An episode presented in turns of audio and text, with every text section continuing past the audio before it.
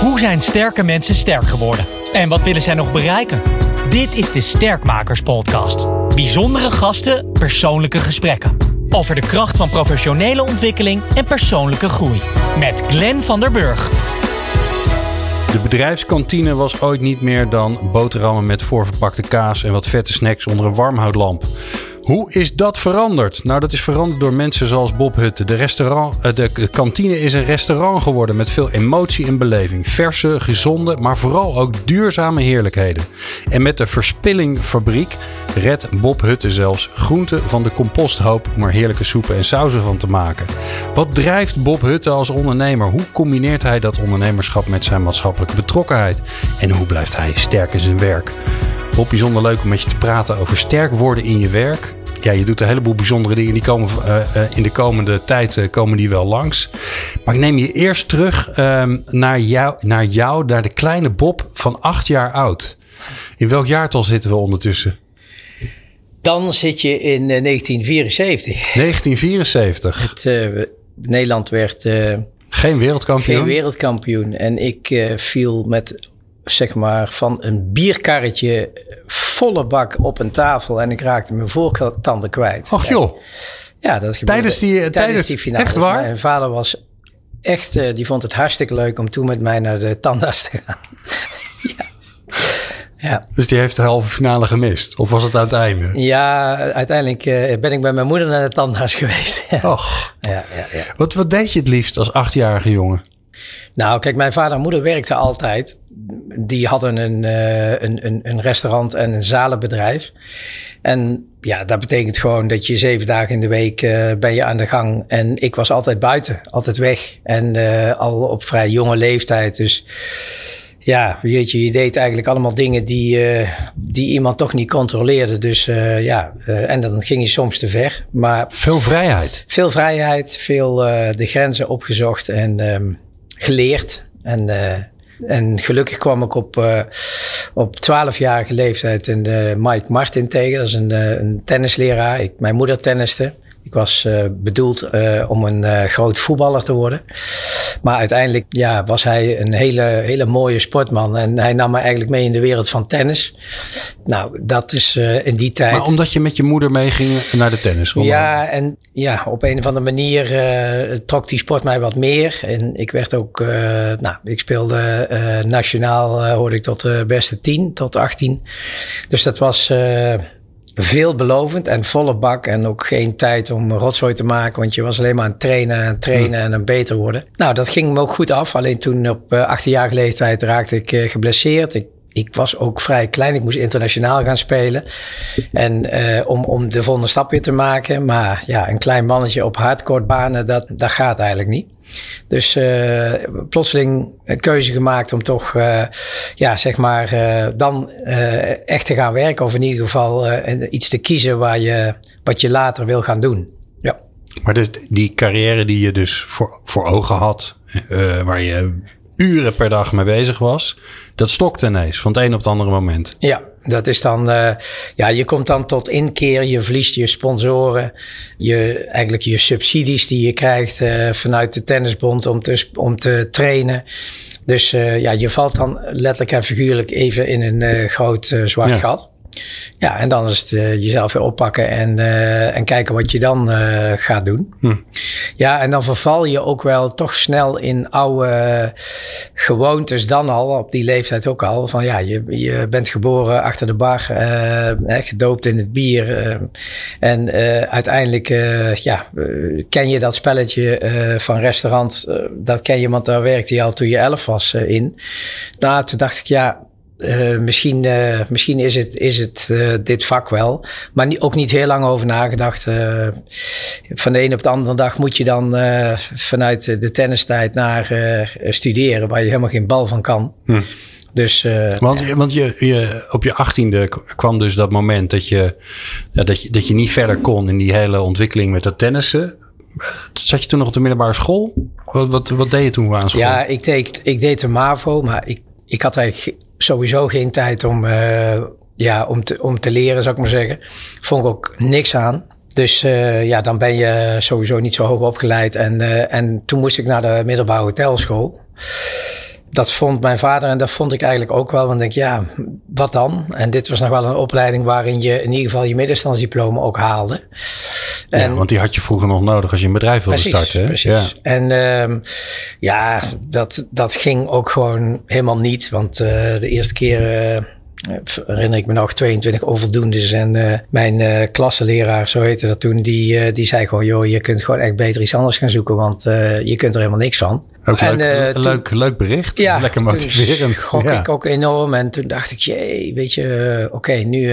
en ik was ook nog volle bak aan tennissen wel. En dus ja, daar moest gewoon een, andere, ja, een ander systeem, een andere planning gaan worden. En ik werkte toen ook regelmatig thuis. Dus, dus ik ja, altijd veel gedaan. En dat werd in plaats van tennissen toen uiteindelijk ja, veel meer studeren en, en uiteindelijk werken.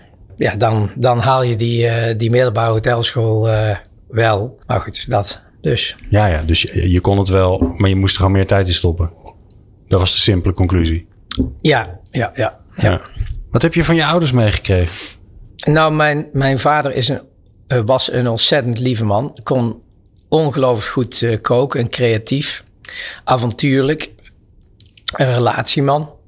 Dus, dus hij zorgde voor de eerlijke verbinding. En uh, goed voor je mensen zijn, goed voor uh, je omgeving zijn. Nou, dat zat heel erg in mijn vader en mijn moeder. Die, uh, die was uh, Spartaans opgevoed. Die had een bepaalde hardheid, een bepaalde duidelijkheid ook. En ja, die zorgde eigenlijk wel dat, dat het geheel allemaal in het gereel bleef. Dus die ja, was van de centjes. En, en wat ik ook wel van mijn moeder leerde is, kijk, ik ben een ram. En mijn vader ehm, was ook een ondernemer die graag creatief in allerlei dingen deed. En, uh, en als je dan een fout maakt, dan, wil, dan, ja, dan was daar gisteren, dus dan gaan we morgen weer verder. En mijn moeder was altijd iemand die uh, stilstond bij uh, die fouten. En die kon daar dan eindeloos ook over doorpraten. Wat ik toen heel erg vervelend vond. En nu denk je, ja, dat, is toch, dat heeft wel ook een duidelijke functie. Dat je toch langer nadenkt over de oorzaak en het waarom van die fout. Mm. Dus uh, ja, dat, dat, dat krijg je ja, heel erg van je, van je ouders mee. Ja. ja, zo te horen vulden ze elkaar mooi aan. Ze waren Ja. niet, eh, het, Ja. was, het was niet twee dezelfde soorten mensen, maar juist twee heel erg complementaire mensen. Ja, ja. Ja, mooi. En op een gegeven moment word je, pu word je puber. Eh, is altijd een beetje de vraag wanneer dat zijn intrede doet. Misschien wel bij jou zo rond je achttiende, maar dat, dat, dat hoor ik zo graag. Waar, waar, waar moest je van loskomen bij je ouders? Ik herinner me gewoon geen puberteit. Want uh, ik was een uh, tennisser die gewoon volle bak ging. Dus trainde onszelf helemaal uh, het apenlazers. Op de baan misschien wel een beetje in, in on, onbehouden gedrag. Weet Een je beetje. John McEnroe gedrag. Ja, een beetje uh, eigenlijk dat je naar de rand denkt van waarom doe je zo achterlijk, weet je wel. Maar daar zal dat misschien een rol gespeeld hebben, nou jij het zegt. Maar verder eigenlijk niet. Kijk, loskomen. Ik, ik was los. Ik, ik heb ja, op het randje van heel veel dingen gelopen. Uh, gelukkig niet eroverheen gestapt. Maar uh, ja, dan heb je veel gezien. Ik heb veel gereisd. En uh, nou ja, dan, dan ontwikkel je jezelf ook wel. En dan ben je een paar jaar verder in die middelbare hotelschool. En ja, dan gaat het helemaal niet goed met het bedrijf van uh, je vader en moeder. Mm. En dan ook wel echt helemaal niet goed. En dan, ja, dan heb je eigenlijk een keuze. Dus als, het, uh, als mijn vader en moeder door zouden moeten gaan, dan zou het uh, helemaal ja, ten einde zijn. Ze hadden er ook geen zin meer in. Mijn vader die, die vroeg ook faillissement aan op een, op een ene moment. En dat begrepen mijn moeder en ik niet toen ik inmiddels in de zaak zat. Maar, uh, maar zo, zo stond het er wel voor. Dus het was. Uh, maar je werd eigenlijk door je ouders de zaak ingetrokken of gevraagd. Omdat ze gewoon je hulp nodig hadden. Want ja, ging niet ik, goed. Ik, ik vind dat ook een moeilijk moment. Want ik, die middelbare hotelschool was klaar. Ik zou naar de hogere hotelschool uh, gaan. Dat was het plan. Maar uh, in die tijd was het, uh, ja, het was zo alles erop of eronder. Ik, ik had toen ik geloof dat we 800.000 gulden schuld hadden. Uh, met een omzet van uh, 1,7 miljoen gulden. Dus die, die tent die was uh, technisch failliet.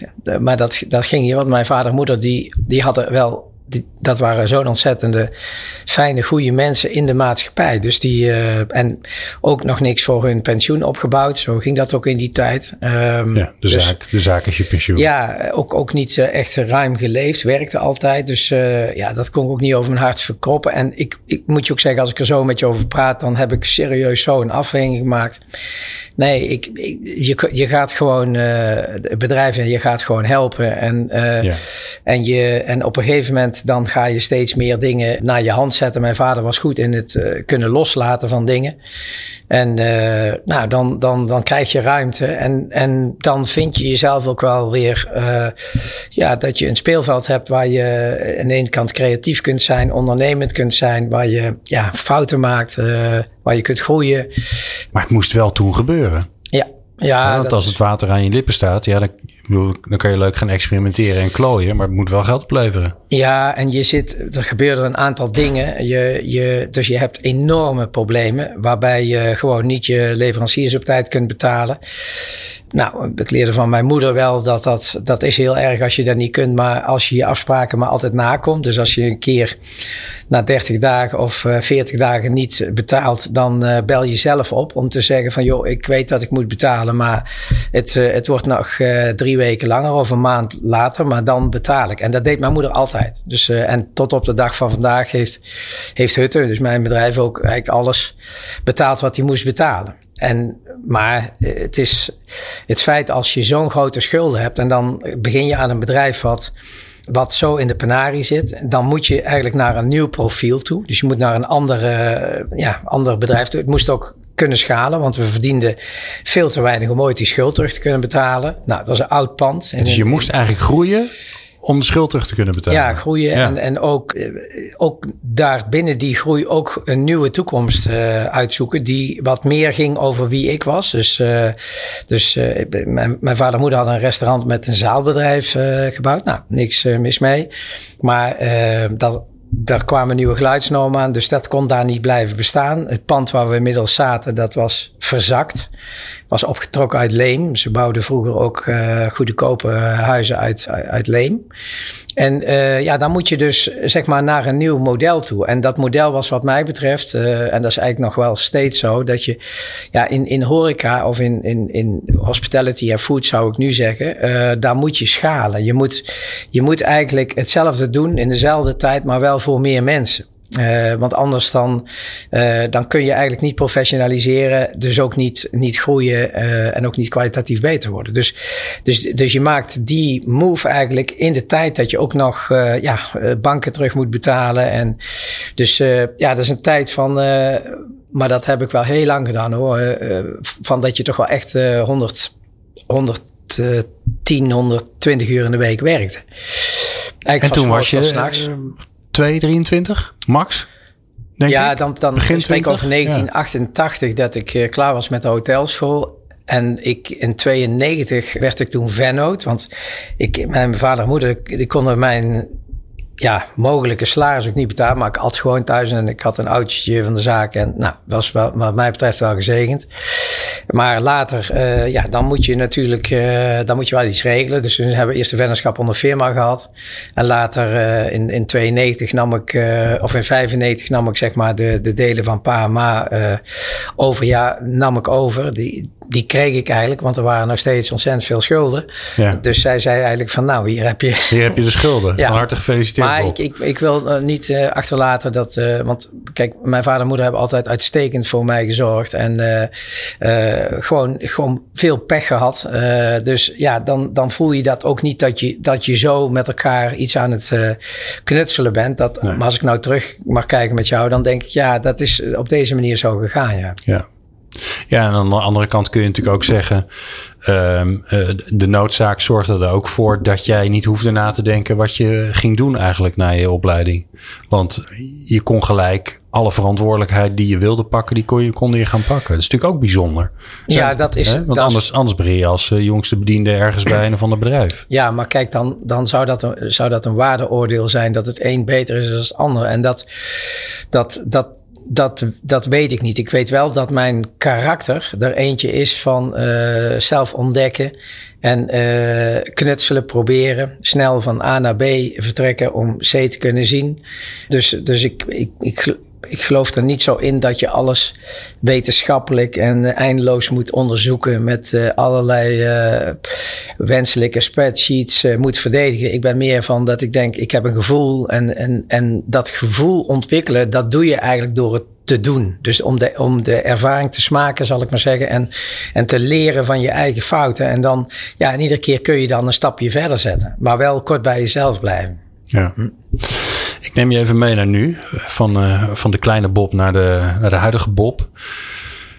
Wanneer, uh, wanneer voel jij je lekker in je werk? Wanneer voel jij je sterk? Wat ben je dan aan het doen? Nou, ik ben, momenteel ben ik voorzitter van de Raad van Commissarissen van Hutten. Uh, Drees Peter van het Bos is algemeen directeur van Hutten. Ik heb uh, ongeveer twee, drie jaar geleden had ik bedacht dat ik, nou, dat ik, uh, stel dat mij het zou gebeuren, wat zou er dan met het bedrijf gebeuren? En wat je ziet is als je dan inmiddels een jaar of dertig leiding geeft aan zo'n bedrijf, dan gaat zo'n bedrijf ook naar jou staan. Hè? Ik, uh, ik, had een, ik had een aantal vrienden jong verloren en ik zag wel dat dat ellende gaf. Als je dan, uh, dan naar de volgende generatie moet, hoe dan? Hè? En nou, mijn dochters zijn 24 en 22 nu. En ik bedacht dus een aantal jaar... Het is een mooie leeftijd om een bedrijf over te nemen, toch? maar ik dacht, uh, ik dacht toen van, uh, ja, maar hoe moet dat nu? Dus ik heb uh, wat overleg gehad en uiteindelijk besloten om dus een andere governance structuur te hebben. Waarbij je uh, met de Raad van Commissarissen werkt en met een bestuur. Ja, dus ik, ik ben in de rol nu van voorzitter van de Raad van Commissarissen. In een periode dat een bedrijf nog steeds heel hard geraakt wordt post-corona, waarin we, hè, het is een food and hospitality bedrijf, dus we zitten bijvoorbeeld in 225 bedrijfsrestauratieve omgevingen.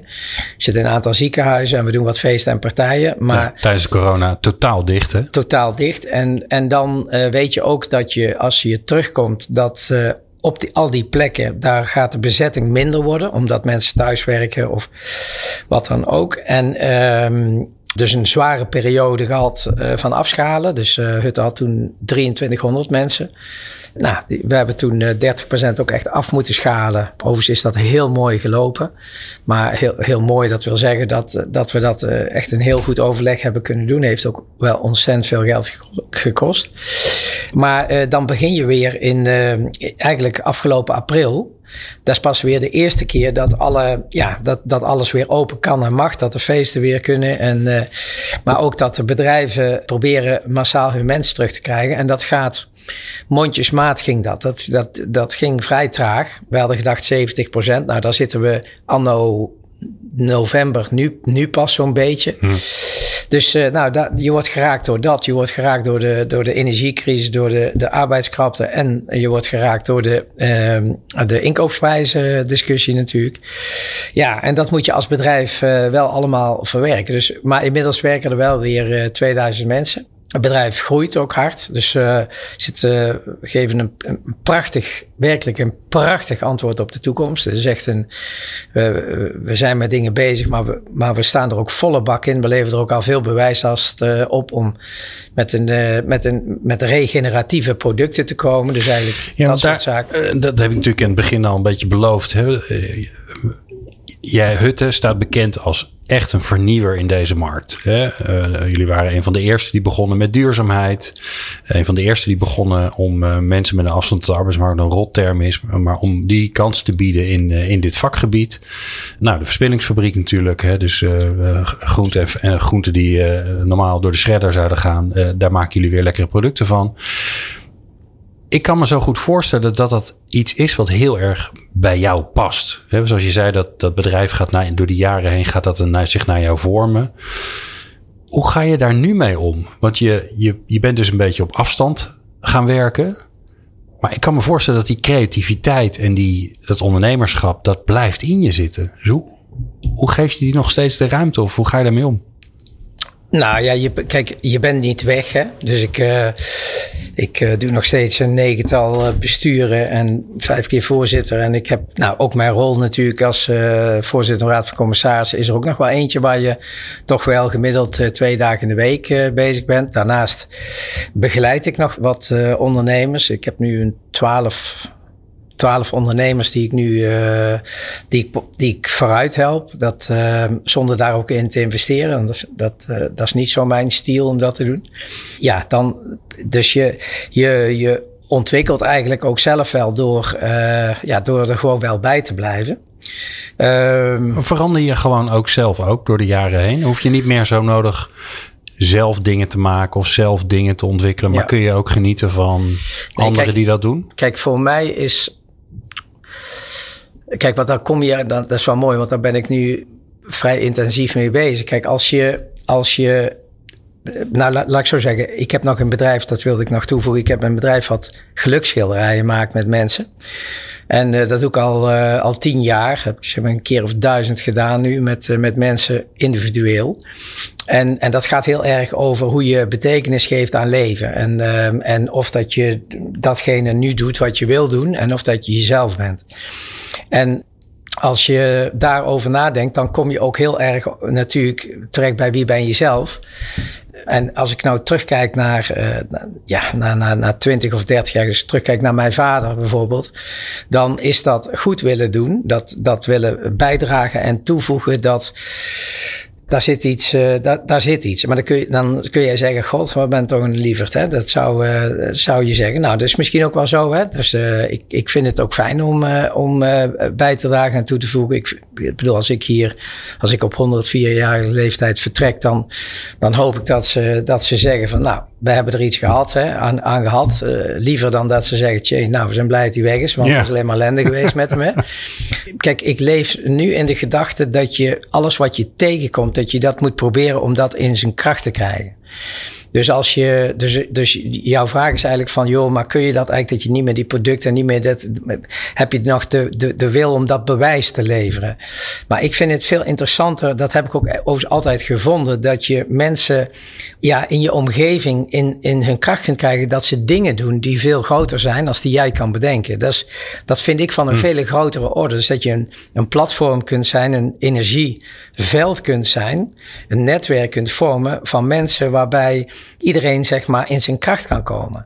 dus dan, dan ja, uh, nou ja, dat, laat ik zo zeggen, als ik mijn geluksschilderij maak, dan, uh, dan, dan, dan word ik gelukkig van het feit dat, dat mensen uh, het waarderen dat, dat ik iets kan toevoegen aan hun leven. Dat vind ik fijn. En, en als je, kijk, en, en, en ben je dan zo lieverd, maar weet je, Kijk, niet zoveel mis mee, toch? Om nee, ik, ik heb, weet je wat ik gemerkt heb, en dat is, dat is ook al heel lang geleden. Toen werd ik eens uitgenodigd door een journalist samen met twaalf andere grote groeiers. En toen, zei, toen was ik nummer uh, 13. En toen hadden we een heel rondje gemaakt. En we waren eigenlijk wel klaar wat de succesfactoren waren van groei. Maar ik moest nog. En ik, ik had daar zo ook eens geluisterd. Weet je, die ene, ja, was een markt en die gat in de markt. En de andere die had dat en de andere had dat. En toen zei ik eigenlijk, ik zei, ja, volgens mij hebben wij allemaal een chronisch tekort aan aandacht gehad. Goed, zei die journalist, daar schrijf ik dan op. Eh, dan dank ik jullie vandaag. ik zei, ho, ho, ho, wacht even. Ik zeg, want ik vind dit eigenlijk wel, ik, ik zou het wel eens willen toetsen. En dan, toen maakten we een rondje. En toen bleek gewoon dat, ja, die had zijn, uh, zijn moeder jong verloren. Die kwam uit een gescheiden gezin. Die had dat. Uh, die kwam een gezin uit twaalf kinderen. Een broertje wat hartstikke gehandicapt was. Die had dat, die had dat. En, en de morris voor mij was van dat, dat ik dacht van, ah kijk, zo werkt dat dus bij ondernemers. Die hebben dus een bepaalde pijn en die gaan dat compenseren om de, om de waardering en de aandacht te krijgen eerste aandacht en dan natuurlijk de waardering. Dus die, die, die moeten ook boven dat maaiveld uitsteken. Krijgen gewoon een, een pak slaag uh, iedere keer als ze er bovenuit uh, stijgen. Maar moeten door, want willen die aandacht krijgen. Dus, dus uh, ja, da, daar, daar ontwikkel je een bepaalde hardheid door. Waardoor dat ze ook dan durven om een risico te nemen. En mm.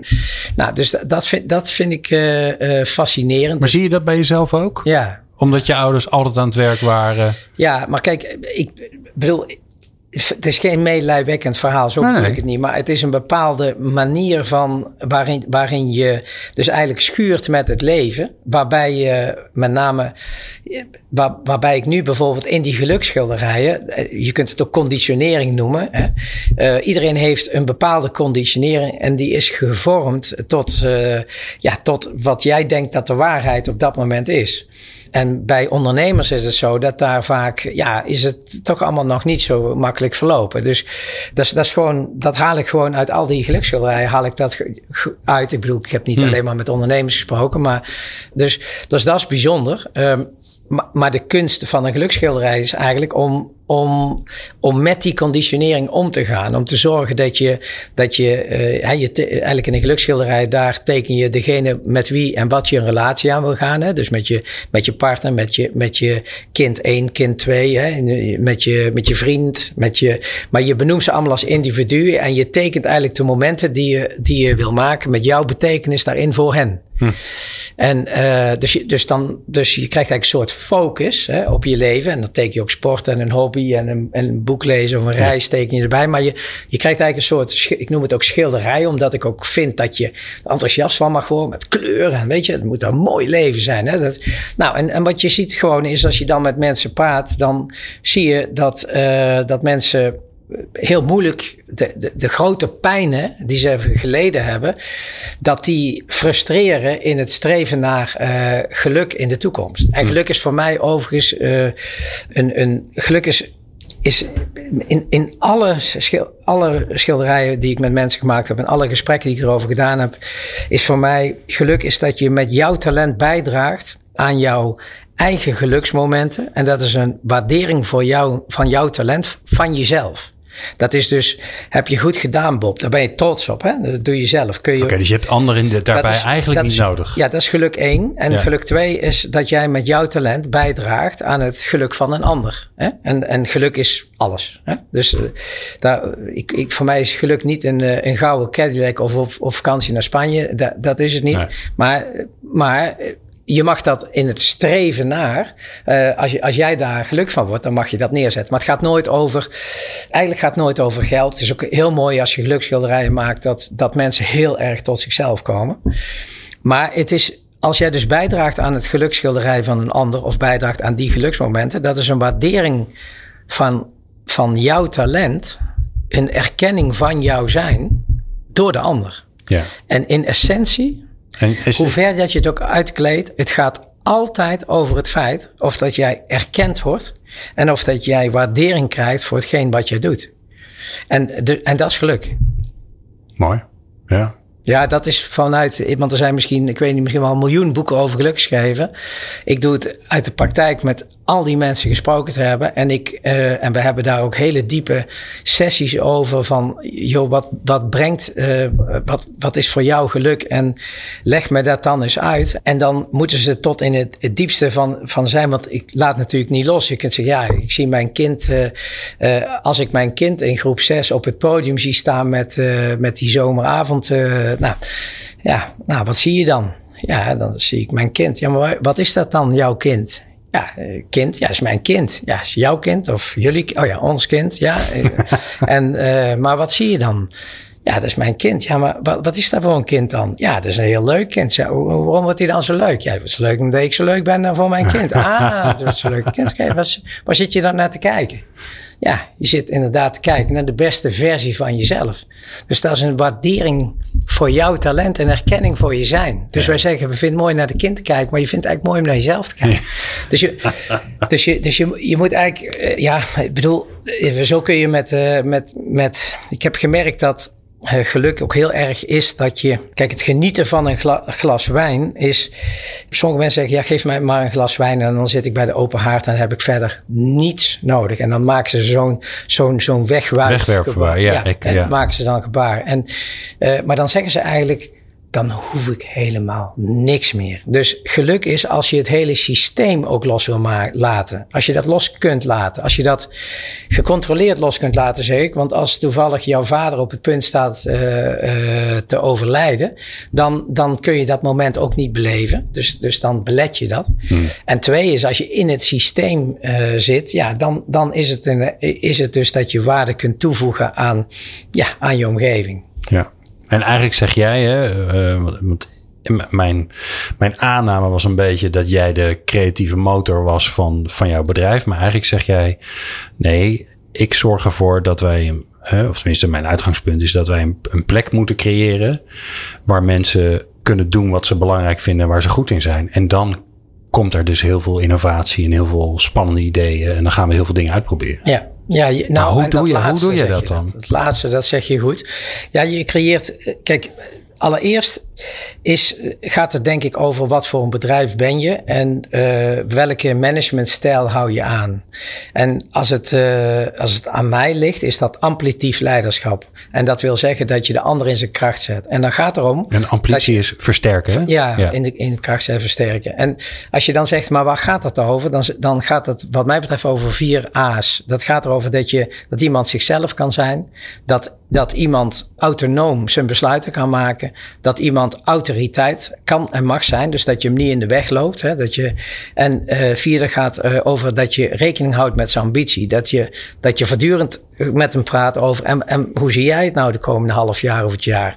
En, en als je dit zegt, dan, dan, dan heb je de wil om elkaar te begrijpen.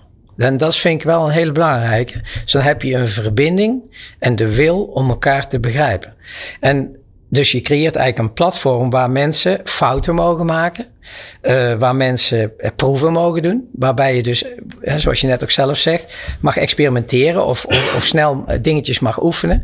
En dat, ja, dat, dat vecht altijd met standaardisatie en systematisering. Dus, en uh, vertrouwen toch, Bob? En, vertrouwen. Absoluut. Want ik ga weer even terug naar uh, toen jij het bedrijf overnam. schulden, ellende, het ging allemaal mis.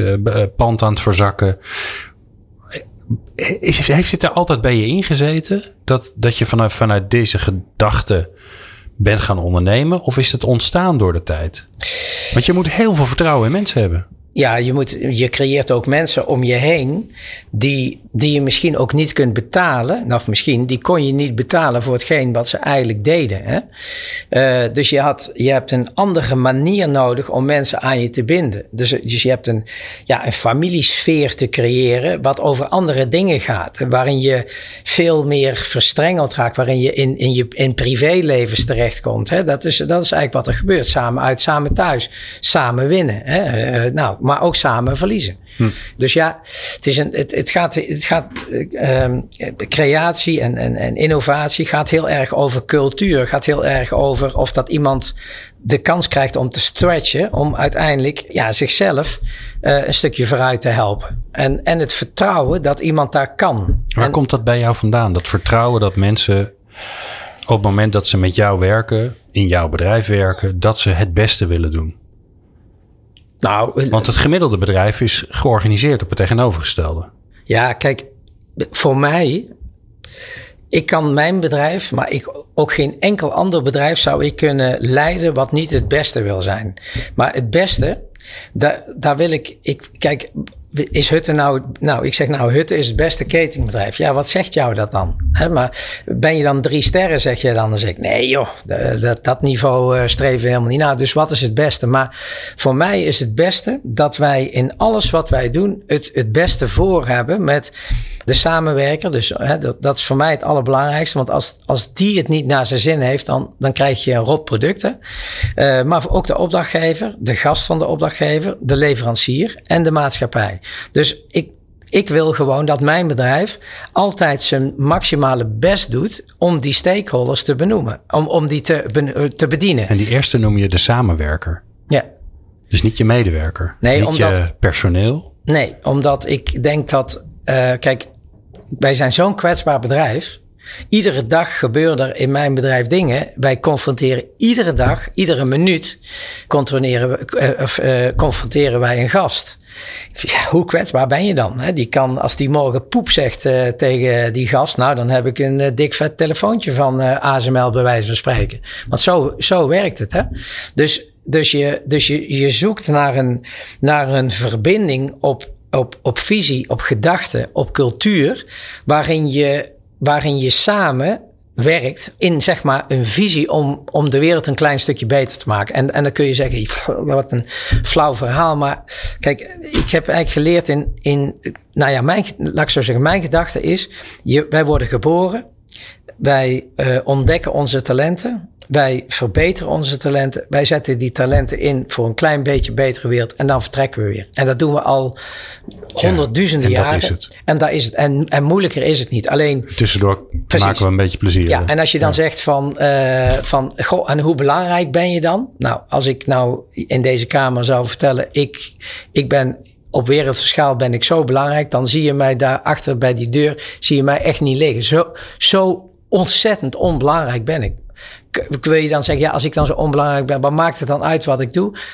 Kijk, maar dat is het niet. Want het gaat er wel om dat, dat als jij dan stok, toch straks op dat sterfbed ligt, dat je toch kunt zeggen: joh, ik heb gedaan wat ik wilde doen. Ik heb betekend wat ik wilde betekenen. En nou, en het better be dat je dan ook iets, denk ik, dan bijgedragen hebt. Weet je, ik vind het wel heel makkelijk dat je, dat je leeft en dat je gewoon uh, ja, alleen maar bezig bent om, uh, om ellende achter te laten. Dus hm.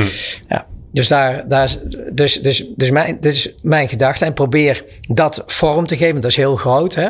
Maar probeer dat in, met name in food en hospitality ook, ook uit te leggen wat ik daar dan mee bedoel. Dus ik, ik eis van mijn leiders, uh, en daar kan ik, moet ik nu dus indirect, maar ik, ik eis dat zij heel goed zijn voor onze mens. Dat ze alles doen, amplitief zijn voor onze mens. Omdat, omdat wij dat ook voor onze leiders wil zijn. Omdat ik dat ook voor hem of haar wil zijn. En ik hoop dat daar ook iemand voor mij wil zijn. Hè? En, en, en, en nogmaals, dat, wie, dat, dat is wel interessant. Wie is dat dan voor jou? Want dat is natuurlijk interessant. Jij bent de ondernemer bij zo'n organisatie. Hè? Lang aan het roer gestaan. Ondertussen iets meer op afstand. Soms lijkt, tenminste, uh, ik wil niet zeggen, het lijkt, want ik heb zelf ook een organisatie gehad. Soms ben je gewoon alleen. Is? Want uh, dat is allemaal leuk en aardig, hè, collega's. Maar jij staat uiteindelijk aan de lat. Jij, uh, jij staat bij de bank. Uh, het zijn jouw aandelen die morgen niks meer waard kunnen zijn. Jouw pensioen die verdwenen is. Ja. Hoe, hoe, hoe ga je daarmee om? Ja, hoe ga je daarmee om? Kijk, ik, je leest dan nu uh, momenteel, uh, hè, met, ook weer zo met zo'n Matthijs, je leest, je leest er iets over. Kijk, je, je, wat er gebeurt is, je, je neemt een bepaalde rol aan, maar je, je, komt eigenlijk, je komt eigenlijk steeds op een hoger podium te staan. En, en doordat je op een hoger podium staat, ben je voor steeds minder mensen aanraakbaar. Maar je hebt wel veel meer mensen in een stadion staan. Dat is eigenlijk wat er gebeurt. Maar als er dan iemand aan je vraagt, maar wie zorgt er nou voor jou? Dan is, als je die vraag aan mij stelt, dan, dan zeg ik eigenlijk, ik heb een ontzettend, echt een ontzettend lieve vrouw, Lucre, echt een super, super vrouw. Die laat me heel erg mezelf zijn. En nou, en we hebben, dat is, dat is heel erg fijn. Maar je, je hebt ook wel een bepaalde onafhankelijkheid nagestreefd dat je ook alleen staat. En, en als ik dan in zo'n, in zo'n uh, ja, wat er nou zo'n beetje aan de gang is, dat mensen op een, uh, op een, op een podium eigenlijk asociaal worden.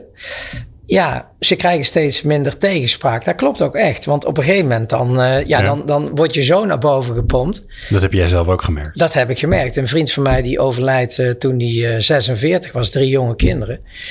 En die was gewoon, die was volledig kwijt wie die was. En dat kun je niet voorstellen. Maar dus, ik heb toen ik ben toen met hem heel intensief, uh, ben ik hem brieven gaan schrijven, ook in de, in de laatste periode van zijn leven, omdat ik, ik had gesprekken, maar ik dacht, als je een brief schrijft kun je al beter nadenken en kun je ook eigenlijk wat je wil zeggen, kun je ook dat, nou dat ligt in ieder geval vast. Terwijl dat je in een gesprek waarin iemand tussen hoop en uh, leven zit, of mm. zeg je dat, tussen de dood en leven zit, dan, dan uh, weet je niet hoe je precies aan moet vliegen. Dus, dus daar, daarin, wat er gebeurde was, is dat je dat dat je dus eigenlijk ziet dat iemand die zo in Nederland zo bekend was, dat die uh, uiteindelijk uh, gewoon nauwelijks meer weet uh, waar dat hij nou eigenlijk voor aan het leven is. Ja, dat is ook voor mij het begin geworden van geluksschilderij. Omdat Aha. ik dacht, waarom moet iemand nou overlijden? Want, want kijk, als je komt te overlijden, dan vraag je jezelf altijd zijn eigenlijk twee dingen waar mensen geen antwoord op kunnen geven. Dus je vraagt jezelf af, wie ben ik eigenlijk? Wie, wie, wie was ik eigenlijk? Hè? Want, want ja, hè, hoe kijken mensen eigenlijk naar mij? Hè? Dat, dat, dat, dat weten mensen niet. En twee, als ik dan zeg van, maar god, nou heb je zo'n pijn van doodgaan. Hè? Want ja, je, je stapt binnenkort uit. Uh, maar vertel me eens, wat zou je dan nog willen? Hè? Dat kunnen mensen niet Ook een moeilijke vraag. Kunnen mensen ja. niet zeggen. Dus toen dacht ik, ja, dat is dus die, die, die, die status bepaalt, eigenlijk dat moment bepalen van, joh, nou ben je gezond en uh, nou, maak eens een wrap-up. Waar ben je tot op dit moment? Wat was je betekenis tot nu toe? Vind je dat je ergens tekort schiet of niet? Of uh, heb je ergens pijn wat je belet in de toekomst? Hm. En als jij mag zeggen, volle bak leven, waar, waar leef ik dan naartoe? En hoe maak jij keuzes? Ja, dan komen mensen wel tot inzichten. Dat is, dat is echt over, ik ben daar heel enthousiast over, omdat uh, ik ook gewoon zie dat, dat wat, je, wat je heel erg ziet, is hoe wij in een systeem uh, ontzettend veel angels in onze rug hebben. Dus, dus als je je voorstelt dat je, dat je dat er een hele hoop vissers zijn. En die, uh, die staan allemaal. Uh, uh, jij bent aan het zwemmen. En die vissers die, die slaan eigenlijk allemaal angels in, jou, in, jou, in jouw lijf. Hè? En die, en die, die, dus jij bent aan het bewegen, maar je hebt allerlei angels. Je hebt alle kanten opgetrokken. Ja, er zijn allemaal, allemaal aandachtsvragers. Hè? Allemaal, en je moet er allemaal iets voor betekenen. En, en ja, en dan heb je ook nog allerlei afleidingen, social media, noem maar op. En mensen, en op een gegeven moment liggen ze op bed en dan zeggen ze: en dan kunnen ze ook televisie kijken trouwens. En dan gaan ze slapen en de volgende dag gaan we weer door. En wanneer sta je nou eens stil en denk je nou eens bij jezelf... joh, maar doe ik nou eigenlijk wel voor mijn dochter dat wat ik, wat ik het allerbelangrijkst vind? En weet zij dat? Hè? Want dat is, dat is ook het mooie van weer een geluksschilderij is... Als, als jij mij jouw geluksschilderij zou laten zien... dan uh, open jij eigenlijk wat jij het aller, allerleukste vindt. Nou, wij hebben nu vandaag nog geen veiligheid van communicatie. Dat wil zeggen, ik ken jou niet goed genoeg. Hè?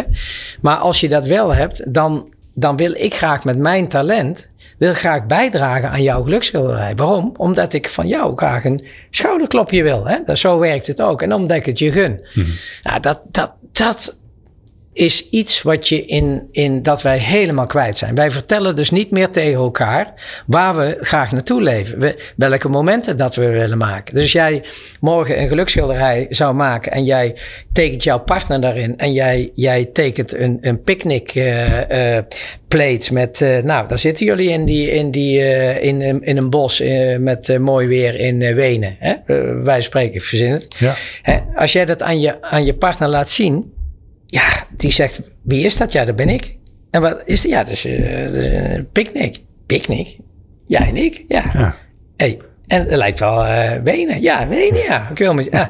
Dan, dan motiveer je eigenlijk ook die ander. Hè? Die, die vindt dat ook leuk. Hè? Want dat is dan. Nou, en dan krijg je dus een enorme verbinding. En, en doordat we dat dus niet doen met elkaar. We weten wel, ja, waar wordt jullie pap gelukkig van? Ja, dat weet ik wel.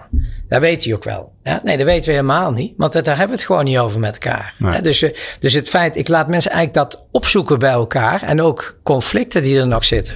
En dan staat een broer staat niet op zo'n geluksschilderij. En dan zeg ik, waarom staat hij nou niet op? Ja, ellende, want hij heeft hij dit gedaan en daar heeft hij gedaan en daar en daar. En allemaal. Maar, en dus hij staat er niet op. Nee, weet je zeker? Ja, weet ik zeker. Ja, weet je heel zeker. Ik zeg, wat zou je nou het allerliefste willen? Ja, ja het blijft wel mijn broer. Ja. Ja. Ja, maar dan krijg je heel verhaal weer. Hè? En dan zeg ik, oké, okay, snap ik. Maar, maar wat zou je nou het allerliefste willen? Ja, als ik op een feestje, dan zit hij daar en ik daar. Ja, dat is een beetje raar. Hè? Ik zeg, ah. Dus, en dan, en, maar hoe zou je nou een klein stapje kunnen maken? Wat zou nou een klein stapje zijn? Nou, en dan tekenen ze ergens een kop koffie uh, in een uh, restaurantje. Zeg, nou, teken dat nou eens gewoon. En weet je wat er is? Het gebeurt altijd. Alles wat mensen hmm. op een geluksschilderij tekenen, het gebeurt allemaal. Ja, wauw. Ja. Bob, ik neem je mee naar de toekomst. We hebben het er al een beetje over gehad, maar eh, ik wil hem toch nog eventjes lekker expliciet maken. Uh, we zijn op je tachtigste verjaardag. leuk. Ik, leuk dat je mij ook hebt uitgenodigd. Ondertussen vertrouwen elkaar volledig. Uh, maar het gaat totaal niet over mij. Je familie, je vrienden, je bekenden, de mensen die je belangrijk vindt, uh, die op jouw geluksschilderij staan, die zijn er allemaal. En um, er wordt gespeecht over jou en uh, voor jou. Wat hoop je dat ze over je zeggen? Uh, nou, laat ik, de scheiding maken tussen wat ik uh, betekend heb en wat ik, uh, wie ik privé ben ook. Hè? Nou, dat kan ook wel gaan uh, natuurlijk door elkaar heen lopen. Maar als ik, kijk, als ik gewoon kijk naar wie Hutte, wat het bedrijf zou kunnen mogen zijn in de toekomst, dan, dan hoop ik dat men zegt dat wij een, een, een unieke bijdrage geleverd hebben in de transitie om van uh, voedsel naar duurzaam voedsel te gaan. Ik hoop dat mensen, ik, ik pleit al jaren en ik, ik krijg die wedstrijd gewoon niet gewonnen. Dat het, dat het gaat over voedingswaarde in eten. Dus dat het gaat over uh, vitamine, mineralen en bouwstof. En dat het eigenlijk gaat over je macrobioom in je, je darmen. Uh, en dat je dat spel moet spelen om gezond te blijven. Nou, en ik, ik ik hoop, hè, wij, we zijn heel erg bezig met regeneratieve landbouw nu. En uh, om in, in, en in 2024, eind 2024, dan moeten we zero positief zijn, zou ik maar zeggen. Voor mij is dat eigenlijk zindelijkheid. Dat is eigenlijk gewoon de nieuwe zindelijkheid. En, uh, en voor mij is het dus belangrijk dat mensen in de, in de tijd dat ik hier ben geweest, dat mensen geleerd hebben dat dat eten de energie van je leven is. Dat je stil moet staan bij alles wat je naar binnen stopt. Of dat het je iets geeft.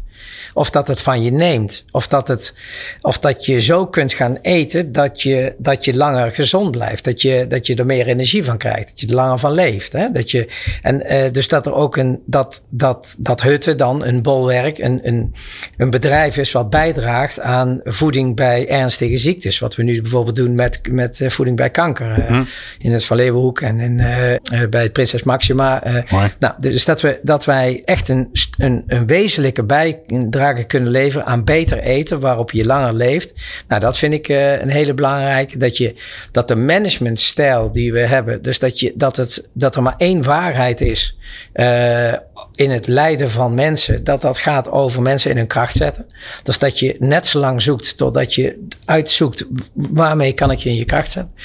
Uh, nou, dat is, dat is voor mij uh, zakelijk. En, en, en dat Hutte ook overigens wel een, een, gewoon een, een partij is waar heel veel energie zit. Dus, dus uh, vrolijkheid, vriendelijkheid, vredigheid, weet je wel. Dat je echt, dat het, dat het een, een bedrijf is wat gewoon dingen doet die, ja, waar, waar mensen kunnen groeien die niet gedacht hadden dat ze over 1,80 meter konden springen. En ze kunnen het wel. Hm. En het helemaal niet erg als die anderen bij 1,60 afgehaakt zijn. Hè? Dat, dat idee.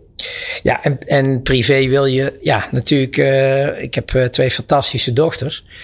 En ja, ik wil uh, nu heel erg bijdragen aan hun geluk. En, en, en dat wil ik eigenlijk altijd natuurlijk.